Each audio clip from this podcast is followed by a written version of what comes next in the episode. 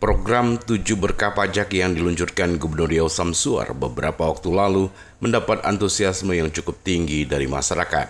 Terbukti sejak program ini digulirkan 1 Februari lalu hingga saat ini total sudah ada 48.310 unit kendaraan yang diputihkan denda pajaknya.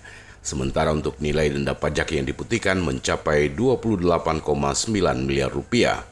Selama program ini berjalan, Badan Pendapatan Daerah Riau mencatat total pendapatan dari pokok pajak yang dendanya sudah diputihkan mencapai 78,1 miliar rupiah. Kepala Bapenda Riau Saril Abdi mengatakan, program pemutihan denda pajak kendaraan bermotor di Provinsi Riau masih akan berlangsung hingga 31 Mei mendatang. Untuk itu, pihaknya mengimbau kepada masyarakat, khususnya para wajib pajak yang menunggak pembayaran pajak kendaraan bermotor, agar segera memanfaatkan program ini. Terutama terkait dengan pajak daerah, pajak kendaraan bermotor, melalui program tujuh berkah pajak daerah Provinsi Riau yang masih terus berlangsung sejak Februari hingga Mei nanti mudah-mudahan dapat dimanfaatkan dengan baik oleh seluruh masyarakat Riau.